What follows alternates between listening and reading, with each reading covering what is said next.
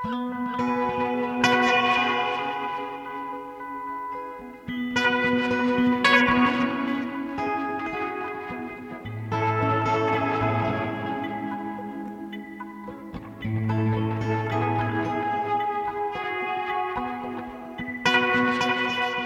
og sæl kæra lustendur, Guðni Tómasson og Halla Harðardóttir hels ykkur hérna úr hljóðstofu Viðsjár þriðdægin 25. apríl.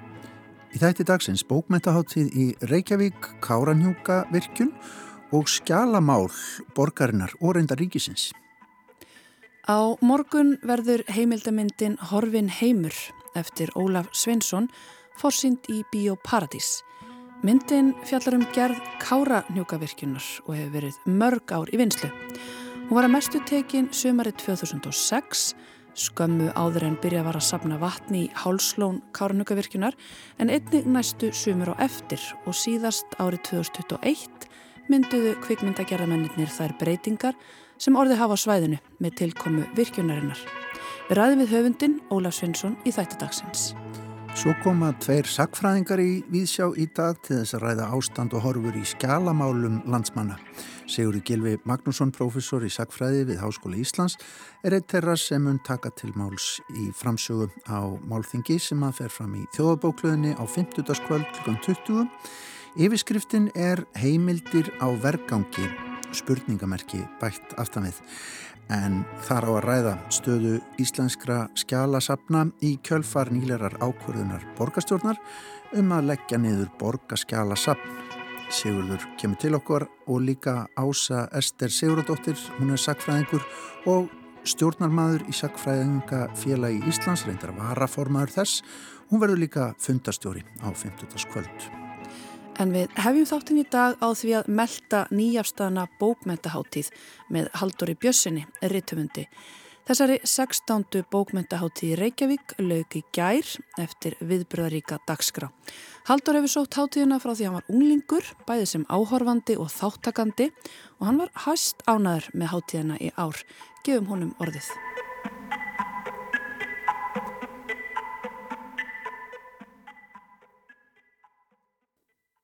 Í fyrsta sinn sem ég fór á bókmentaháttiðina í Reykjavík mætti ég á hjólabretti. Árið var 2003 og ég bombaði niður skólaverðustík með eintaki mitt af Wind Up Bird Chronicle í annari hendi á leiðinni að sjá Murakami.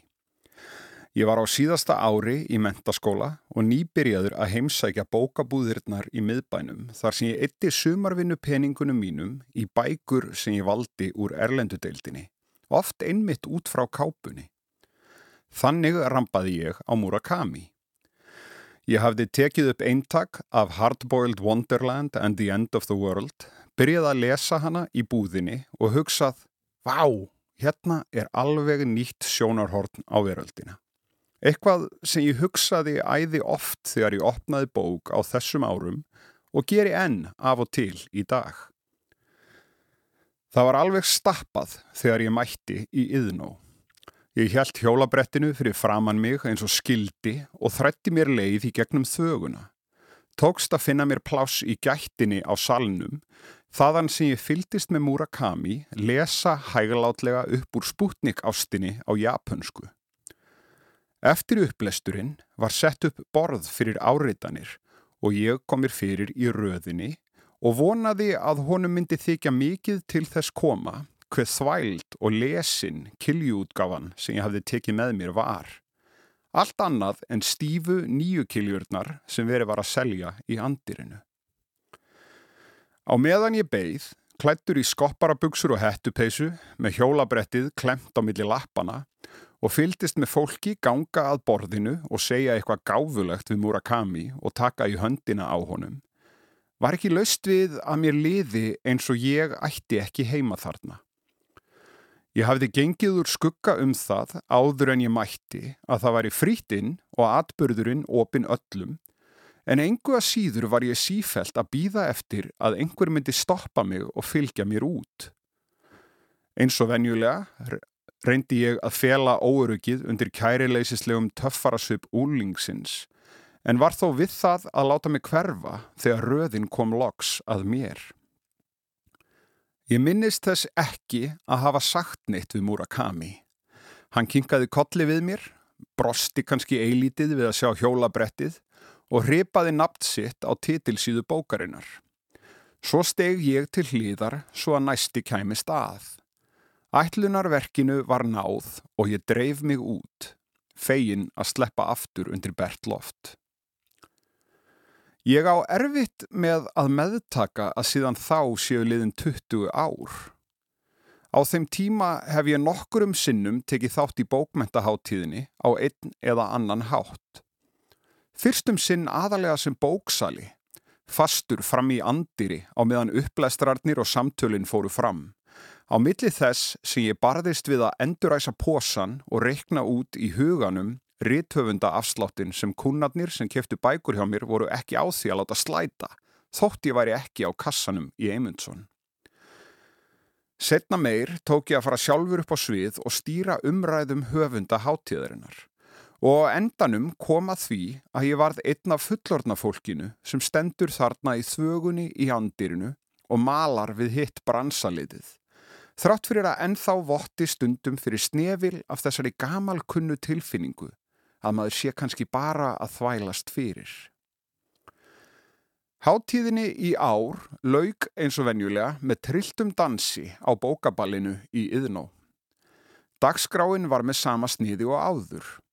Höfundar skiptist á að stíga á svið og lesa úr verkum sínum og ræða um þá list að drattast í gegnum langa ferlið sem likur á milli þess að fá óljósa hugmynd og að gefa út bók.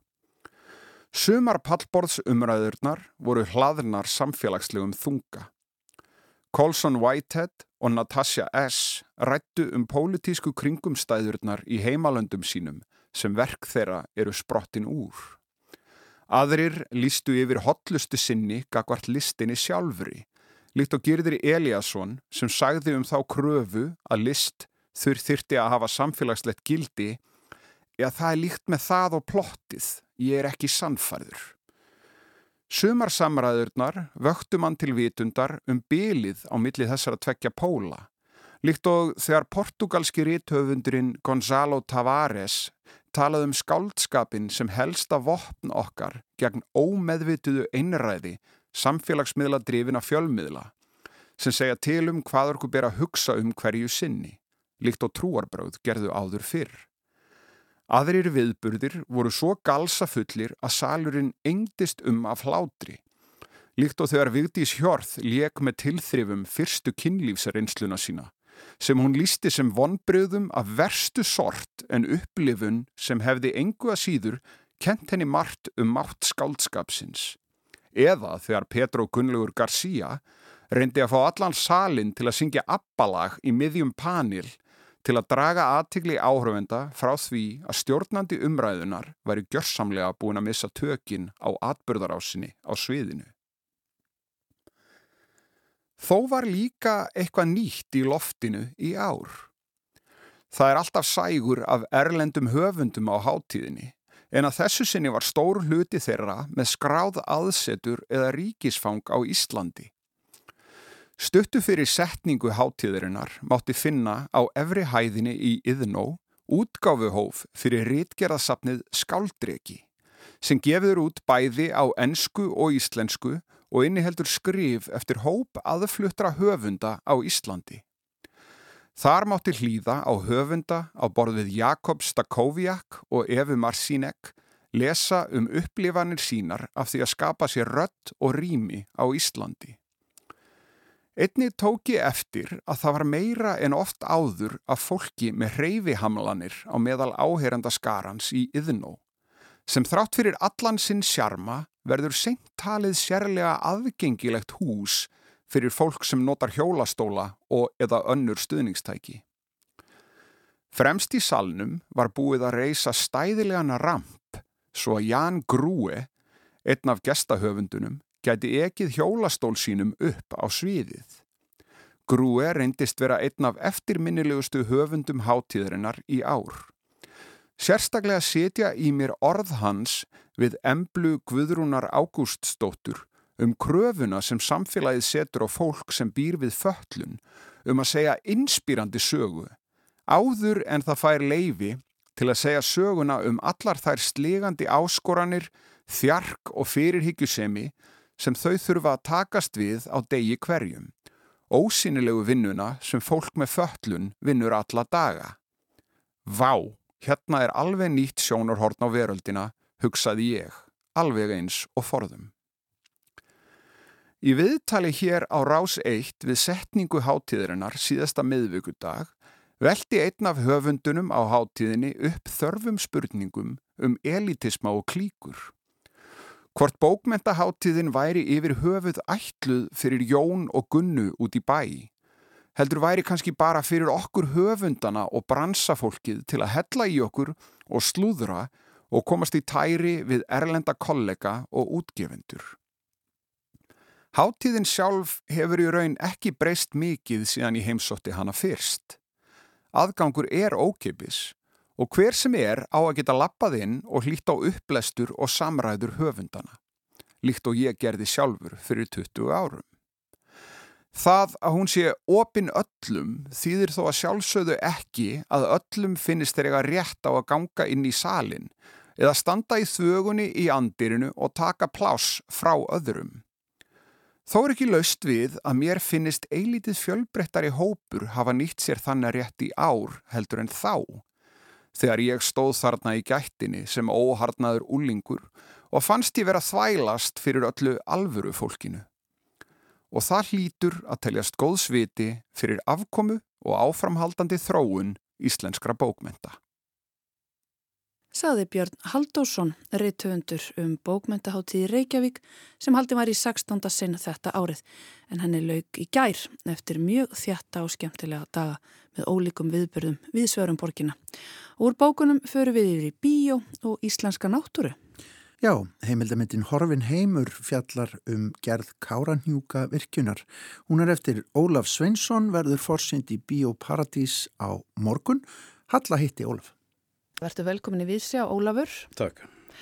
Hvenar hófstu handa við gerð þessara myndar? Ég veit að þetta búið að vera langt ferli hjá þér.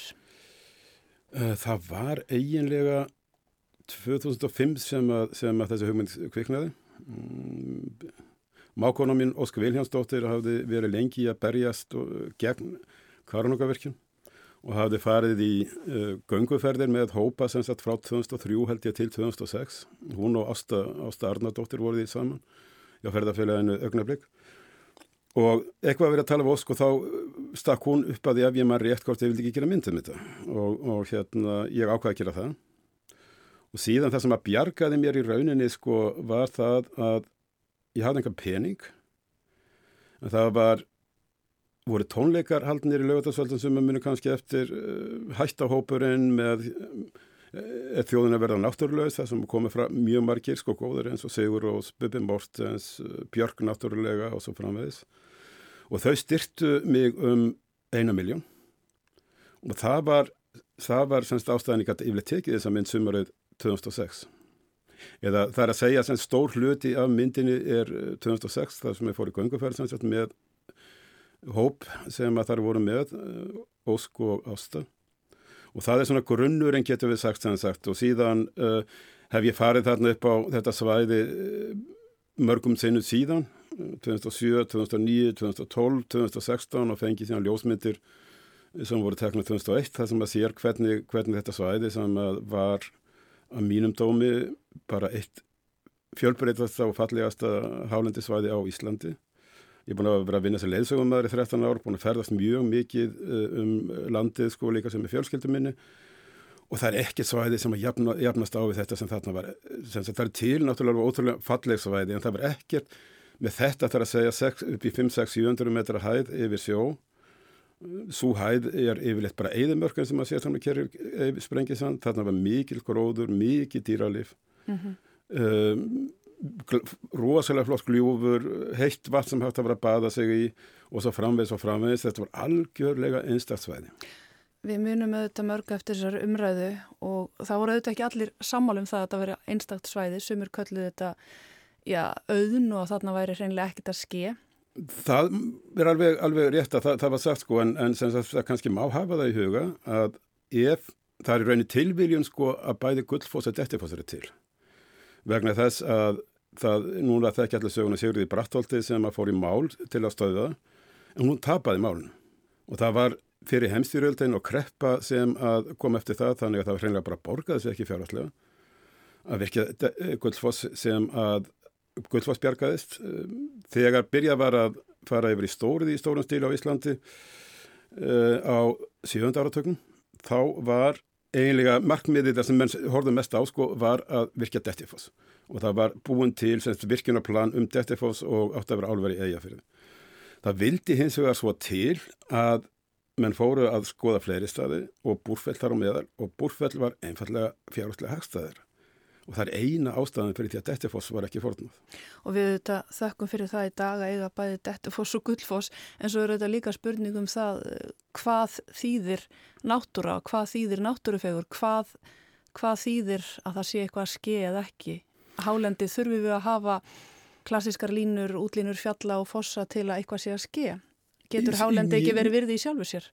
Hálendið er náttúrulega sko verið í sjálfum þess að ég, sem ég sagt, þegar menn segja að þetta hafi ekki verið neina að tapa þarna vegna þess að enginn kom þarna, það er, þú veist, samkvæmt því meðleik hvar það hefði verið óhætt að sko eigða og eigðilegja, já, nánast alla helgustu svæði Íslands sem sagt framundir 1970 að framundir 1980 vegna þess að menn ferðust ekki um og, og það voru ekki tekir á þessu mm. og, og ég er alveg með þá hreinu að Ef þetta svæði hefði verið þekkt, þá hefði ekki kvarlað nokkur manni að virkja þetta. En það var einmitt það sem að fólk var að reyna að gera á þessum tíma, að vekja aðtegla svæðinu og fá fólk til að kynnast því. En hvernig var, eh, var það umræðan sem var í gangi, sem kom þér af stað eða hvar hófst tín ástriða fyrir hálendinu? Var það þarna á þessum tímapunkti eða kom hún áður? Nei, nei, nei, það var áður sko. Ég er svona hálfælin upp í sveit og, og eins, og, eins og er í sveitinni að þá hérna var það mótt og allt er vant sem vel er grænt. Þannig að í bjóð þarna þið var sem til sveti hlýði knúpurreppi eh, það sem að keri síðan upp á hálendið samstafamólan hjá Bórfljótsvirkjum og fór þar ofta upp yfir sko með, með kindur og annað á, afréttin og mér fannst það bara alveg skelvilega ljótt.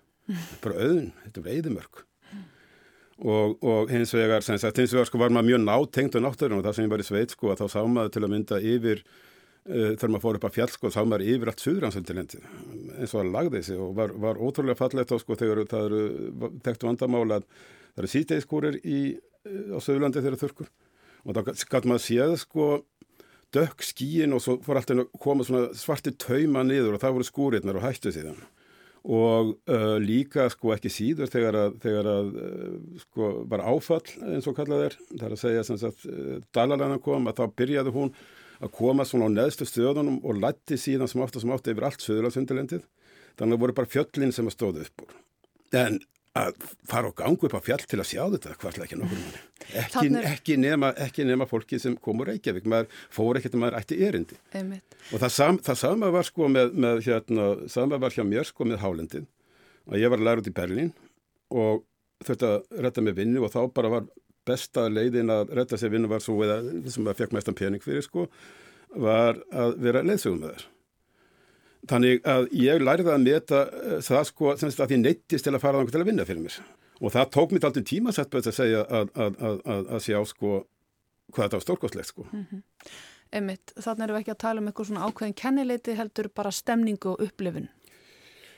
Já, skíafar það, Já, það, það er það, þú veist, ég meina það er, það er, ég nú var ég kvikund að gera maður og, og ljósið á Íslandi sérstaklega sömurinn alveg ótrúlega fallegt, einmitt nákvæmlega líka út af því að þú ert með skí, þú ert með skugga, þú ert með regningu og svo framvegis og framvegis, þannig að bara ljósið á Íslandi er, er alveg ótrúlega fallegt á sömurinn. Mm -hmm, algjörlega, en Taland um þessa heimildamind, hvernig Já. nálgæðistu efnið? Er þetta aðalega viðtöl, er þetta náttúrumyndatökur, er þetta allt í bland? Þetta er, þetta er, þetta er í rauninni í bland þar að segja eins og ég sagði, sko, þá grunnurinn er uh, ferð sem að ég gekk með þeim, fór með þeim, þeir ósku og ástu. Við kvikmynduðum í rauninni ferðina og þá einhverju leiti upplifin manna og annað þauðilegt og fórum síðan aftur sko að kvikmynda og þar voru líka með í ferð vísindamenn. Þóra Elin Þólastóttir til dæmis grænsafræðingur sem hefur skoðað gríðarlega mikið uh, gróður á hálendinu, hennar maður Elgi Björnsson sem jöklafræðingur uh, og fleiri sem sátt sín talið líka við Grín Björnsson, jarfræðingur endar annar staðar og fór síðan líka og myndaði Karnungastiplu og, og talaði þar við, við hérna Jóhann Krójar heitinn sem yfir verkfræðingur landsverkina þar. Þannig að þetta er sko sambland af, af, af eh, náttúrulegsmyndum, ferðalaginu, vísindamenn sem að segja sem, sagt, sem að uh, voru mjög margir, mjög hardur í gaggrinni sinni á þetta en gerði það mjög, mjög málöfnulega. Síðan líka við um byggingu verksmiðjunar, myndir af því og svo framvegis og sko eins og ég segi, svo komum við þarna á, setna til að sjá hvernig þetta líti út eftir allt saman og töluðum líka reyndar við sko Smára Geirsson sem að var aðal kvartamadurinn að, að virkjuninni. Stóriðinu á Östurlandi áratugum saman sem sagt og hann mm telur virkjunina og alveg verið mikla blessun fyrir miðausturland og ég held að flestir íbúar lítið á það þannig, maður ekki gleyma því. Og Guðmundur Beck líka bóndi sem þar var var hrakin í burtu af því hann var harkalega á mótið þessu. Þannig við fáum að heyra báðar hliðar málsins. Fáum að heyra báðar hliðar málsins og umfram allt þá fá áhörvendur tækifæri til þess að meta sjálfur hvort að þeir telja að þetta hafi verið réttlætanlegt eða ekki. Þú tekur ekki sjálfur afstöðu? Ég tek ekki sjálfur afstöðu með myndinu þó að það sé að lesa ákvæmlega afstöðu út sko en ég er ekki þannig, að, ekki þannig að, eins og var til dæmis í Þetta er ekki mynd eins og Draumalandi sem var í rauninni áráðsmitt að mínum dómi og, og vegna þess að það var engin möguleiki fyrir áhörvendur að hafa einhverja aðra skoðun heldur en þá sem að þeir sem að gerðu myndinu, myndina uh, ætluðst til. Og þessari mynd er að því eru er svona klassísk heimildamind, þeir sem horfa geta tekið afstöðu, þú veist, og, og ég er ekki að pína, þetta afstöðu yfir á það. Þú lefur áhörvendum að dæma. Já. Einmitt. En hvernig horfur á þessa mynd núna eftir alla þessa vinnu? Uh, minnisvarði um hvað er þessi mynd? Það bara vil ég helst ekki segja. Nei. Þá voru ég að segja, þá voru ég að segja sagt hvað, hvað hérna, hvað mönnum á að finna sko. Hins vegar finnst mér persónulega ofbóðslega mikil eftirsjá þessu svæði. Þú fylgist með því þegar lóni var fyllt, þú fóst þarna fyrir og eftir. Já. Þetta lítur að vera ansi tilfinningarík, tilfinningaþrungin stund. Að koma þetta, ég kom þarna sagt fyrst, höstu, ég var ekki sko til að byrja að vera að fylla lónið, ég kom þarna höstu 2007, fyrsta sem sem að lónið var, var, var fullt sko og, og hérna lónið er í dal sem heitir Hálsin og eftir því er, er Hálslón í rauninni skýrst eða hlut, hlut af dal sem það var en það var ekki bara dalur en heldur fór það uh, langt upp úr þessum dal sem satt upp á til dæla flatlend uh, svæði svona sittkorum megin. Og það var vissulega sem sagt brámanni vegna sem var búin að sjá þarna uh, sko ganga um þetta svæði sem var alveg magnað og, og, og, og sjá það síðan það sem að lónið var alveg snesa fullt Það sem að brána alltaf ennþá meira við var að koma þarna setna vorið til. Þegar að, þegar að sko lónið lækkar eh, um 50, 60, 70 metra uh, vegna þess að, að er náttúrulega nýtt á að það er nógu mikið vatn fyrir ramarsframleysluna og lækkar í lóninu. Og þá, þá er gróð, gróðurinn sem að upp að því sko hann drefst. Og það eru þarna núna, það er mold, það er jarvegur sem, sem er dauður þarna og á vorin ef eitthvað hreyfir vind sko þá er, er, er sko bara mökkur þarna yfir. Og sérstaklega á vestur hlutanum sko þeir byggðu varnakar eh, voru neittir innan kjæðsælapa til þess sagt, eh, að byggja varnakar austamegin, já austamegin en vestamegin er það ekki og þar eru sko mjög þykkur jarðvegur undir upp í, sko upp í tvekja, þryggja metra eh, há börð sem eru þar sem að á pottit eftir að blása úr sko þeir geta eiginlega ekkert gert til að koma í vekk fyrir það og þar á meðal er sko kringilsárrani sem er einstakt eða var öllu heldur einstakt og er að enda náttúrulega líka sko það er gríðarlega mikið af gæsum og reyndirinn sem eru þar og annað þínlikt og var friðland. En friðlistóttir sko var, var sá ég einhvers þar haft eftir sko að hún affriðaði þann hluta sem átt að setja undir vatn sko og hafði þau orðum að það verið lítið, lítið gags að, að vera að setja að vernda hluti eða það verið ekki hægt að afvenda það aftur. Mm -hmm. Einmitt. Það eru allskynns flækjur í sambandi við þessi mál sem við vitum af. En sko það eru þetta landið sem að þarna kvarf og þetta var líka merkjulegur tími bara í sögunni. Þarna saminæðist fólk úr ólíkum áttum í svona ástriðu sinni fyrir hálendinu, þetta voru vísindamenn, aðgerra sinnar, alls konar fólk. Þetta er alveg merkilegt svona tímabila dokumentara. Já, er, þann hluta dokumentari ekki sko. Sagt ekki, ekki mótmælinu og annað þjóðinu sem að voru vissulega sko algjör tímamót sagt í, í í hérna íslenskri sögu og hvað náttúruvend var þar og annað því líkt og mjög harkalega tekist á. Og núna til dæmis uh, er að við erum enn að koma með um, hugmyndir um að sko á fljótstal segði að virkja þar alltaf 200 metra háar vindmilur sko, marga tugi vindmila sem eiga að vera þar. Og ég var einmitt að frétta það ekki, sko, það var fólk sem var fyrir austan sem, var mótmalt á sínum tíma uh, þessum virkjana áforum fór flest mjög illa út úr því. Uh, það var lagt í einelti, menn mistu reynda bólamönnum og vinnu, uh, margi mistu heilsuna og svo framvegis. Og þetta fólk er sem þarna var sem sagt fyrir hvað, rúmlega 20 árum. Það bara treysti sér ekki í aftur að fara í þetta vegna þess að þetta tók svo óbúslega á. Og hérna eiginkona eins mannsinn sem er fólk að vest út úr þess, hún bannaði honum að gera það bara af því að, út af, út af því að þetta reyndi svo andlega á hann sem sagt allt þetta mótlæti, vinir sem hætti að heilsast, heilsónum reytti hann ónótum út af götu reynda, það var reynd að koma um úr vinnu og svo framvegist, þannig að, þannig að það er halvbúið að drepa sem sagt halvbúið að drepa frá austan allavega mótmæli kakvart uh, svona geggjun eins og er sko, sem sagt ég, sko, ég látt vera með kárnungavirkinn en, en að reysa þarna vindmilur sem sagt og veit ekki hvað maður allar að, að gera nota orkuna við sko er bara hrein og klár geggjun vegna þess að, að sko að vera til að þarna upp á fljóstalsæði vindmilugarði sem að sést 20 km, ekki 100 km að sko, ég þekki það bara utan á Berlín þar sem að, Þískalandi að vera á sama tíma sem sagt uh, að lifa á ferðamennsku er bara algjörlega klikkað sko. Já, sitt sínist hverjum um þessi mál en það tekur eitt við öðru, öðru greinlega. Það tekur eitt við af öðru sko þegar að eftir, eftir að Karoníkavirkjum var byggð með öllum þessum mótmælum og því líkt, maður getur heldur ekki glema því að þeir sem að voru sko harðast að ganga framsensett í, í, í bænum eins og Ómar Ragnarsson, Guðmundur Pál uh, þeir lenduð sko í gríðarlega miklu mótlæti. Uh, Lauruglan fylgist með þeim, uh, það er svona 99% örugt að, að símatnir voru hleraðir það var reynd að reykja Ómar Ragnarsson úr starfi bara vegna þess að hann byrti myndir af þessi svæði ekki eða bara út af neinu öðru þú veist og svo framvegs og framvegs menn voru skítrættir um að þeim til missa vinnuna þeir fengu ekki, fengi ekki vinnu sem sagt sem að voru mótið þessu. Og svo held maður sko eftir þetta allt saman að núna myndi menn segja nú er komið nóg. Núna tökum við tillit til þess hlaupa ekki í svona hluti. En það breyttist.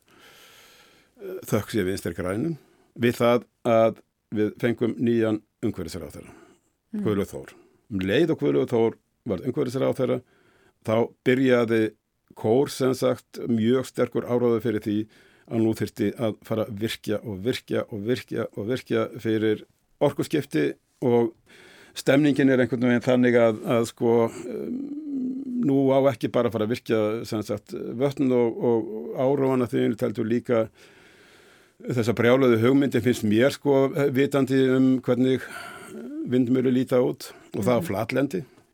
Þessi umræða er svo sannlega ennþá í gangi og þessi mynd ætti að vera eitt innlegg í hana. Þú hófst handa eins og sagðar okkur áðan 2006. Já, þá byrjaði byrja tökur. Núna er 2023 Já. og þú ert að frumsýna næstu viku. Já. Það lítur að vera ansið góð tilfinning. Það er rosalega góð tilfinning, það er rosalega góð tilfinning að vera loksins, loksins, loksins búin með þetta, þú veist, en eh, sem ég bjóst ekki við satt best að segja, sem sagt, er það að myndin kemur að mörguleiti á háréttum tíma. Vegna þess að umræðin er komin núna á fullt, fullt, eh, fullan gang aftur og nú er eh, vonandi nógu langur tími til þess að menn geti tekið sko afstöðu án þess að vera í einhvern skotgórum heldur einfallega bara horta á þessa mynd, séð landið sem var þarna hvernig það leiti út og hvernig það leitir út núna og spurt sig að því var þessi verði, kannski líka vegna þess að, að, að það er sko miða við það sem að, að samningum er haldið leindum en miða við það sem hefur heyrst sko að þá er eiginlega útilokað, ég þór ekki að fullir að svo sé en það er eiginlega útilokað að virkinin hafi staðið undir sér til þessa. Ólafur, rétt í lókin eh, frumsýningi næstu viku og það verður önnur stuttmynd eftir sínd samhliða þessari mynd og það verður markmiðlunarsýning í Bíóparadís ekki satt, segðum við östuðt frá því. Já, það er ein eh, mynd sko sem er á undan, eh, klift bara upp á ljósmyndum sem er alltaf ofanilegt sko, það er engin reyfing í myndanum, engin þölur, hérna er engin texti en mjög fallega tónlist eftir Kjartan Sveinsson úr Sigurðars. Síðan eru tvær aðrar myndir sem ég gerði líka sem sagt önnur um Ómar Ragnarsson og hans baráttu. Og síðan er stór uh, ljósmyndasýning uh, líka sem sagt allt myndir frá þessu svæði Karunungavirkjum fyrir og eftir virkjum uh, og þetta er hlut, það er hlut í rauninni af síningu sem að ég hef verið staðið fyrir á undanfartum árum lengst af uh, í samstæðar við landvend en nú vil landvend ekki vinna með mig lengur einhverju hluta vegna. Og uh, þar sem að hef, hafa verið sko hefur verið kallað enginn veit hvað áttöðu fyrir mistöfur þar sem hefur verið annarsvegar sko myndir frá stöðum sem að hugsanlega verða virkjaðir eða hefur komið til greina virkjað þú veist og, og flestir sem að sjá þar myndir hugsa með sér, vá hvað þetta er fallið, þetta svæði þekki ég ekki. Og bregður síðan við þegar að lesa í, við hlýðina að þetta er svæði sem að maður vil virkja. Á og síðan er dýramyndir ég byrjaði í Norrannahúsinu svo var nú Ísafyrði, Akureyri og Eilstöðum og hverjum stað fyrir sig höfum við bætt við myndum sem sagt og þeim landsluta sem þar hefur verið. Og það hefur verið unnið í samstarfið við náttúruvendarsamtök á hverjum tíma fyrir sig. Þannig að núna, núna eru sko komna eitthvað 120 ljósmyndir þrjár kveikmyndir og það er tvær kveikmyndir viðbóta sem eiga eftir að bætast við sko. Það er greinlega af nægu að taka í biopartís í næstu viku Ólafur Sveinsson, takk innilega fyrir að koma til okkur í vísjá og segja okkur frá þessu verkefni og til hamingi með þessa nýjustu heimildamind Horfin Heimur. Takk Hallaræti hér við Ólaf Sveinsson um heimildamindina Horfin heim. Hún verður forsýnd í Bíóparadís á morgun en fer svo í almennar síningar í næstu viku. Já, og úr bíói förum við yfir í skjöl. Skjálasöfn hafa verið nokkuð til umræðu undanfarna daga og undanfærin misseri. Eftir að Dagur B. Eggertsson, borgarstjóri, laði fram tilugu um að leggja borgarskjálasöfn nýður til hann var í framaldi samþýtt í borgaráði. Ástæðan sögð spartnaður sem talin er í miljörðum segja þeir sem að, að tilugunni standa. Sackfræðingar og skjálaverðir hafa gaggrínt að þessi leið sé farin. En til að hann byggði upphaflega á samatækt KPMG sem að fóru yfir stöðuna í rekstri borgarskjálasaps og hvaða kostir væri bóði.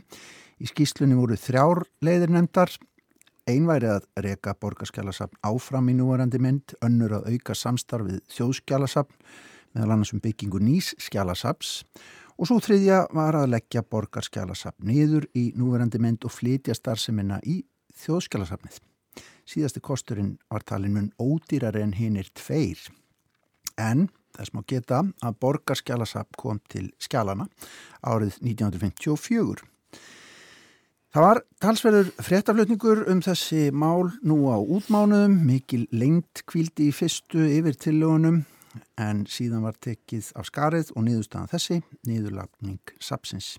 Í framhaldinu var tilkynnt um að menningar og viðskiptar á þeirra væri að skipa starfshóp um framtíðar fyrirkomulag skjálasafna og mótum stefnu um rafræna langtímavörslu skjala. Starfshópurinn mun leggja fram stefnu í málafloknum sem falla á að starfrætni stefnu ríkisins og sveitafélag og áætlað er að hópurinn skilji af sér sinni vinnu vegi síðar en 10. september 2023. En þetta snýst ekki bara um aðgengi að heimildum um sögum sem að, eh, að miklu leiti eru auðvitað óskrifuð heldur líka framtíðina í þessum málarflokki og fjölmörg verkefni eru undir og ýmsum stöðum í bænum. Sackfræðingafélag Íslands heldur málþing um stöðu íslenskra skjálasafna í kjölfar nýlerar águrðunar borgastjórnar um að leggja niður borgarskjálasafnið og þessi fundur hann fer fram í eh, þjóðarbókluðinni á 50. kvöld klukkan 8 stuttar framsögurverða fluttar áður en almennar pallbórsumræður fara fram. Frumalendur þar verða Sigurður Gilvi Magnússon, professor í Sackfræði við Háskóla Íslands Svanhildur Bóðadóttir sem er fyrverandi fórstuðu kona borgarskjálasaps eða borgarskjálavorður hún er borgarskjálavorður Rapp Sveinbjarnarsson héraskjálavörður og Njörður Sigursson sem er aðstúðar þjóðskjálavörður en eins og hlustendur heyra kannski þá er Sigurður Gilvi Magnússon komin hingað til minn í hljóðstofu. En líka Ása Ester Sigurðardóttir sem er eh, varaformaður Sakfræðingafélagsins velkomin bæðið tvö. Takk fyrir. Takk fyrir. Sko Sigurður Gilvið, þú hefur tekið til máls á ofnbjörnum vettvangi um þessi mál. Uh, þessi stofnun, Borgars skjálasapn, að hún hverfi. Hvað þýðir þetta bara svona fyrir ykkur sakfræðinga? Já, þetta er held ég bara alveg gríðarlega mistök og getur haft alveg, mjög alvarlega afleðingar fyrir eh, fræð og vísindi. Mm. Þetta getur haft alvarlega afleðingar fyrir borgarar í, í landinu eh, og í Reykjavík. Mm. Þetta getur haft alvarlega afleðingar fyrir stofnanir eh, í Reykjavík. Eh, það er bara á mjög, það er hvert sem litið er, þá held ég að, að hér séum alveg gríðarlega mistök að ræða og van hugsaða ákvörðun Uh, vegna þess að borgarskjálasafni þjónar bara eiginlega sko, miklu hlutverki í, íslensku menningarlífi og uh, þjónar vísindarsamfélaginu ekki aðeins í sakræði heldur bara í hug og félagsvísindum og ég vil viðar uh, og ég held að að, að fótónum sé raunverulega kift undan mjög mikið vegum stóðum í, í hjá þessum fræðigreinum Þannig að ég bara eh, er ekki enn búin að fá neinn rauk fyrir þessu nema bara frá endurskona fyrirtækinu mm -hmm. eh, og mér finnst þau vera mjög hæpinn, svo ekki sem er að sagt. Þannig að vera að horfa í krónur og öra. Nákvæmlega og, og ég minna að það er bara hluti af þessu, það er bara hluti af, af þessari, þessari, þessu mengi sem tengist þessari líðræðistofnun því að borgarskjálasafni er kannski fyrst og fremst líðræðistofnun. Mm. Þá enga sækja borgarnir eftir upplýsingum um bæði um sitt eigi líf og bara ímis og stofnana sem uh, tengist lífið þeirra. Mm. Og ef þú ætlar að einhvern veginn að, að, að þoka þessu efni í, til þjóðskilasapsins uh, sem er sko bara frábær stofnun í alla staði með uh, ótrúlega flotta starfskrafta, þá held, er ég hrættur um að, að svo þjónusta sem borgarskilasapni hefur veitt borgurum, vísindarsamfélagi og stopnunum borgarinnar finnist veruleg út. Mm. Og það er meðalans vegna þess að þjóðskilasafni er bara drekklaðið störfum. Mm -hmm. Og ég held að, að kosturinn við héraskjálasafnin er sko, nálaðin við nærsamfélagið. Mm -hmm. Það er verið að vinna til dæmis með skjöl sem ég er nú svolítið sérfræðingur í, sem eru enga skjöl. Það er verið að draga þau inn inn á vettvang uh, sapsins og það er vegna þess að fólk þekkir nærumhverfið sitt. Mm. Það veit að Jón Jónsson á Grettiskötu held uh, dagbúk uh, og áarðir að vita ekki hvað að gera við hana. Mm -hmm. þannig að þeir sækjast eftir uh, efni sem hefur fengið miklu meira vægi á síðustu árum og áratugum innan fræðana. Þannig að þú ert á því að þetta sé svona of svona stopnarnaleg sín á verkefni þessara aðlaða, þessara sapna. Já, ég er sko Í raun og veru þá held ég að bara fólk hafi ekki átt að sé á þýðingu borgarskjálasafsins. Það er kannski verið að horfa á einhverja tiltengin þátt í starfið þess en menn átt að sé ekki á raunverulega hvaða er margbreytilegt uh, starfið. Sko bara taka þessin dæmi uh, fólki sem vinnur á, á, á, á borgarskjálasafni mm. það er að búa heimildir í hendurnar á almenningi, skólunum, skólakerfinu e, fræðarsamfélaginu ég meina þurfa manna æfir ég meina þetta er gríðarlega heimild og gríðarlega þýðingamikil heimild um til og meins fátvættir Reykjavík mm. Það hefur verið að vinna því bæki brotna að reyna að koma þessu heimild í þannig form að það geti nýst fræðarsamfélaginu mm á þess að menn bara leggir tíu ár undir að, að fara í gegnum gögnin, mm skilur mig.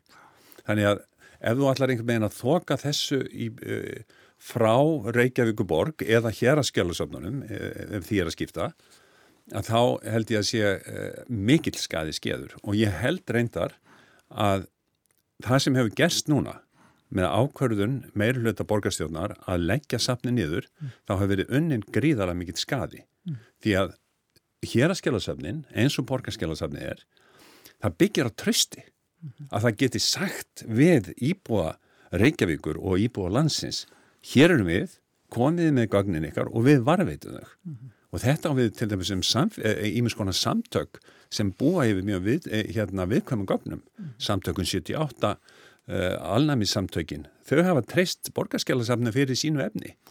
Veist, og það, þannig erum fleiri félög. Mm. Svo allt í einu bara vitum ekki hvað, hvað, hvað verður um þessi gögn.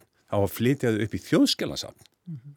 Þú veist, Þetta er bara, þetta er bara ákverðin sem stendst ekki nokkra skoðun hvernig sem á hann er litið. Við heyrum ásakvar Sigurður stendur í þessu máli en svona ef við hugsaum um ykkar félagsmenn í Sackfræðingafélaginu eru þeir uggandi um þessi mál? Já, það er ekki hægt að segja annað. Mm. Þetta mál hefur vakið ónættilega sterk viðbröð skiljanlega mm. og þá ekki aðeins meðal félagsmenna heldur bara allar þeirra sem að málið viðkemur í rauninni.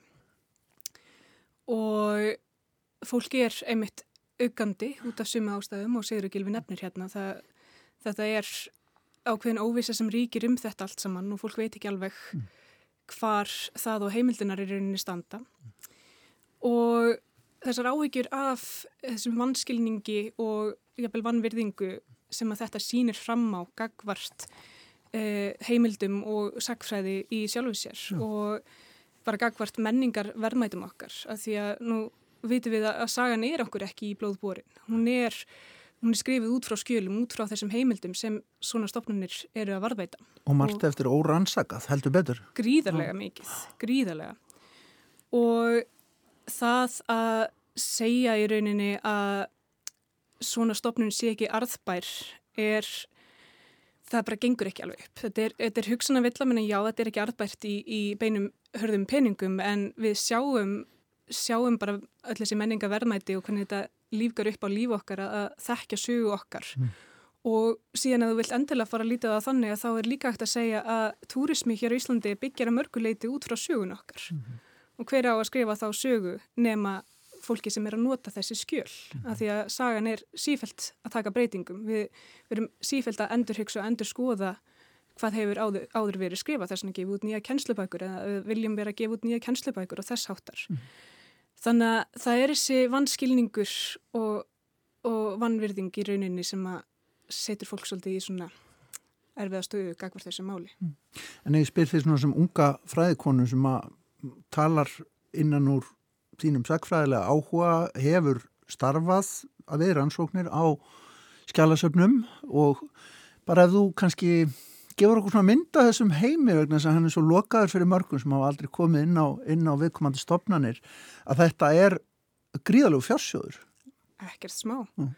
Það er bara, fyrir mér þá eru skjálasöfn, þau eru þau eru mistrýja og þau eru, það, þau eru svolítið töfrum líkast í rauninni að því maður kemur þarna inn og maður veit maður hefur einhverju hugmynd um hvað maður er kannski að leita af en síðan talar maður við starfsfólki sem vinnur þarna og segir þeim já ég er að rannsaka þetta og þá allt hennu lipnar yfir þeim og þau stökka til og hlaupa og finna fleiri heimildir, heimildir sem að mann hefði kannski aldrei dótt í hug að væri til Æ. og það er einmitt þessi, þessi nána sérfæðiþekking sem að Sigurgilu var að tala um hérna áðan sem er alveg bara ónættinlega virkilega mikilvæg mm. og Skjálasöfnin, já þau, þau virka lókuð þegar maður mm. þekkir ekki til en maður kemur hérna inn og það eru allir bara rosalega gladir að sjá mann og tilbúinir að hjálpa manni og þetta er bara virkilega, virkilega gott já. allt saman. Vel að orðið komist já. vegna þess að ég held að, að uh, eins og það segir, það, það er ákveðin dölúð sem fylgir söfnunum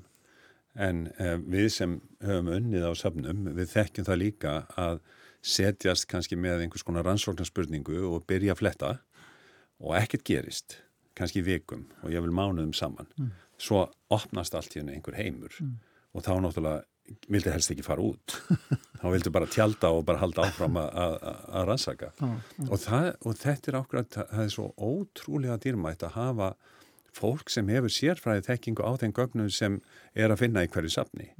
Og ég hef kynst bæði í borgarskjálasefninu bara sem ungur maður þá var ég þarna upp í gamla uh, hérna ráðhúsi sem var upp í hvað heitir hún kallta núna? Uh, Katrinatúni Já, já, Bríðartún Já, Bríðartún uh, Reykjavík Akademían er núna með þetta húsnæði. Og, og síðan hef ég náttúrulega bara sendt mikið af mínu nefnendum í borgarskjálasefnið og fyrir fylgs með hvernig þjónustu þeir, þeir eru að fá mm -hmm. og hvaða áhrif svona sapnavina hefur á þeirra vinnu.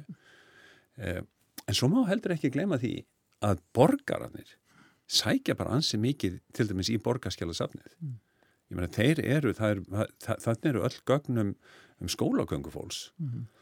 Ég þekki mann sem fór og óskaði eftir gögnum um, um skólagöngu sína. Ja og sem var brokkeng og hann kom víða, eh, kom víða við á, á unga aldri hann fekk þjónustu fekk gögn sem lístu upp svolítið hans æsku eh, síðan líða tvö ár og þá er aftur hatt samband við hann af borgarskjálasafni mm. og sagði þegar við fundum fundum meira efni Mhm. um þig og, og hann var náttúrulega bara flendir slegin, hann vissi ekkit hafði bara ekki minni, hans hafði ekki rekið hvar hann hefði verið sko vistaður áður í, sagt, í, í hérna leikskóla. Mhm. og ég meina þetta er svona dæmi um hvernig samna fólk vinnur. Það er í, í, í ástríðu í, í sínum störfum og, og gleymir ekki þeim sem koma einmitt. og hérna hefur samband aftur til þess að, að hérna vegna þess að þannig, þannig var bara almennu borgari að, að leita að uppruna sína og að spá í, já. En getur ekki verið að sko það sé einhver samsláttur eða misgengi hérna á milli sko fortíðarinnar sem að þið sagfræðingar eru náttúrulega fyrst og fremst að hugsa um að komast í og rannsaka Já. og svo nútíðarinnar og sérstaklega kannski framtíðarinnar upp á sagt, allt þetta rafræna byggs sem er í gangi núna. En nú verða til tugir þúsundar skjala í rafrænum kerfum á hverju degi á Íslandi og allt þarf þetta varfið eftir nýjustu tækni. Já. og þarf þá ekki ymmit einhverja einhver, einhver, einhver miðlagan kraft í því sem að væri þá þjóðskjálasafn Íslands? Og, og er ekki sko söfnin eh, út um borg og bí og sérstaklega út um all land Jú. bara óburðug En sko, séu til, uh, þetta er engin, uh, þetta er ekki, Þetta er ekki nýtt, nei, Nei, nei, ég meina að þjóðskjálasafni er höfuðsafn. Akkurat og, uh, og semst leiðbeinir héraskjálasafnunum Mm. og borgarskjálasafni er eitt þeirra. Mhm. þannig að, að það er náttúrulega búið að það er samræða þar á milli. Og það er náttúrulega ekkert annað en sjálfsagt að, að efla þá saminu á Mhm. alla kanta.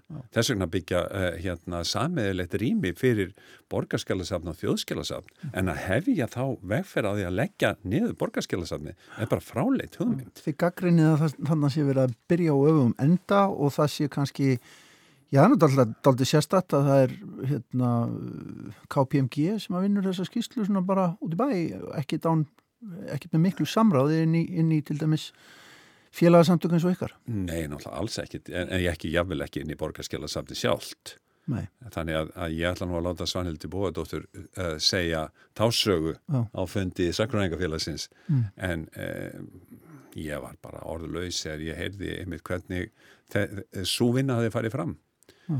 en uh, mér finnst sko ég hef alveg ég er ekki einn af þeir sem stendu upp og, og, og garga á, á stjórnmálamenn. Nei. en ég hef skrifað þrjárgreinar að því mér var gjössanlega ofbóðið og bara meðalans vegna þess að, að við höfum sérþekkingu á þessu efni. Við erum að nota þessi söp, við sakfræðingar þannig að mér fannst bara mjög skrítið að ráðast í þessan, þessa aðgerð þessa grótesku aðgerð sem er að, að líðræðistofnun og mér var skrítið að flokkur eins og pírata skildu taka þátt í þessu.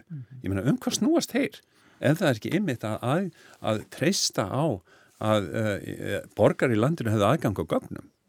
Og ég meina hvers konar aðgerð er þetta fyrir borgarstofnarinnar ég meina borgarskjálasefni er að leiðbena borgarskjála hérna borgarstofnunum hvernig á að meðhandla gögn En nú fela stjórnmálmennir á, á hérna, sveitastjórnarstíginu sig bak við það að þarna sé ekki lagaleg skilda sveitafélaga á ferðinni og, og það hafa jú verið að fara fram og tilbaka öll þessi verkefni, hvað þetta heitir, eh, skólamál og hitt og þetta fram á milli ríkis og, ríkis Já, já. og, og, og sveitafélagi gegnum tíðina. Uh, er þetta ekki bara eitt liður í þessum dansi? Algjörlega, þetta er, eins og segir, þetta er ákveðin félaleikur og það er verið að fyrra sig undan ábyrð. Og það sem að er eitthvað meginn svo, að, að finnst mér að minnst okkur, það sem ég finnst svo skrítið er hvað Reykjavík hefur alltaf gert mikið úr því að vera menningarborg. Við, það er haldnar hátíðir eins og menningarnótt, barnamenningarhátíð, safnunótt og þess háttar. En þegar borgin er tilbúin að leggja niður menningarstopnun líkt á þessa sem já, kannski er ekki þérna þannig pening bókstallega en er að, er að koma með svo mikið til borðsins í þessum málum þá eru þá er eins og, bara líka við eins og þessa hátíði sé hálf innantómar og þessi, þessi orð menning sé hálf innantóm fyrir Reykjavík þegar þau eru svona fljót að leggja þetta niður og einmitt segja að þetta er, þetta er alltaf lægi, við megum þetta, þetta er lagalega í lægi að því að það er engin skilda til þess að vera með héraskjáls. þetta er háðulega ákvörðun með tilliti þess að árið 2000 var Reykjavík menningaborg og þú veist, ég meina ef það borgarskjálansafn er eitt, ég meina ljósmyndarsafn Reykjavíkur, borgarminjasafn ákveður ekki bara að færa það drasl allt saman inn til þjóðminnasafnsins ég meina þetta er bara næsta skref hugmyndir, Nei, en, meina, en það er sann sem þessar, þessar hugmyndir eru komnar á loft eins og í Kópaví skils mér þar er verið að velta fyrir sér salnum mm. hvort það með ekki bara leiða hann einhvern veginn út til einhverja e, e, aðila sko um, nú hér að skjála safni þar, það er verið að velta e, fyrir sér að leggja það niður ég meina ég hef bara talsett mikið samskipti við héraskjalaverði og héraskjala söfn út á landi mm. og ég veit hvers konar ótrúlegt starf er, þar, er unni þar viða. Er það varna bara það sem er þar í gangi út um alland? Já, ég, ég óttast að, að já, ég menn það er náttúrulega verið að, að, að sækja gögn eins og þessi sem ég hef talað um enga, gögn, enga skjálasöfn eh, til íbúana sem náttúrulega fólk út á landi náttúrulega gjör þekkir, það veit hverjir búa yfir mikið vægum gögnum mm -hmm og er að reyna að telja fólki trúum að, að, að, hérna, að koma þeim eh, gögnum í örgar hendur. Mm.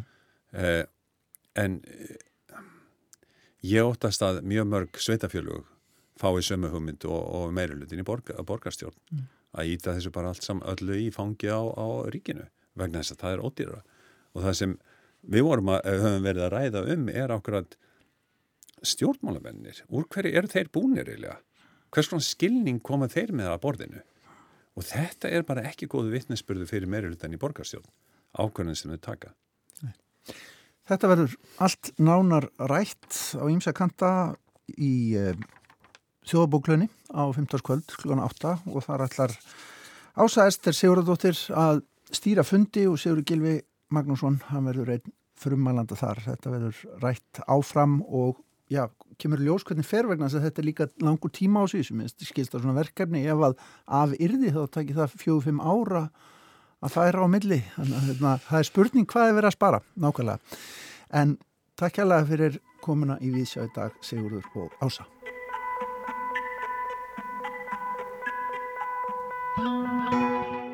Já og á þessari umfjöllunum framtíð skjálavörslu hér á landi ætlum við að enda þáttinn í dag Já, á geta minna sig á mikilvægi sakfræðilega heimilda. En takk fyrir samfélgina ágættu hlustundur við sjáverður hér aftur á morgun og sama tíma verið sæl. Verið sæl.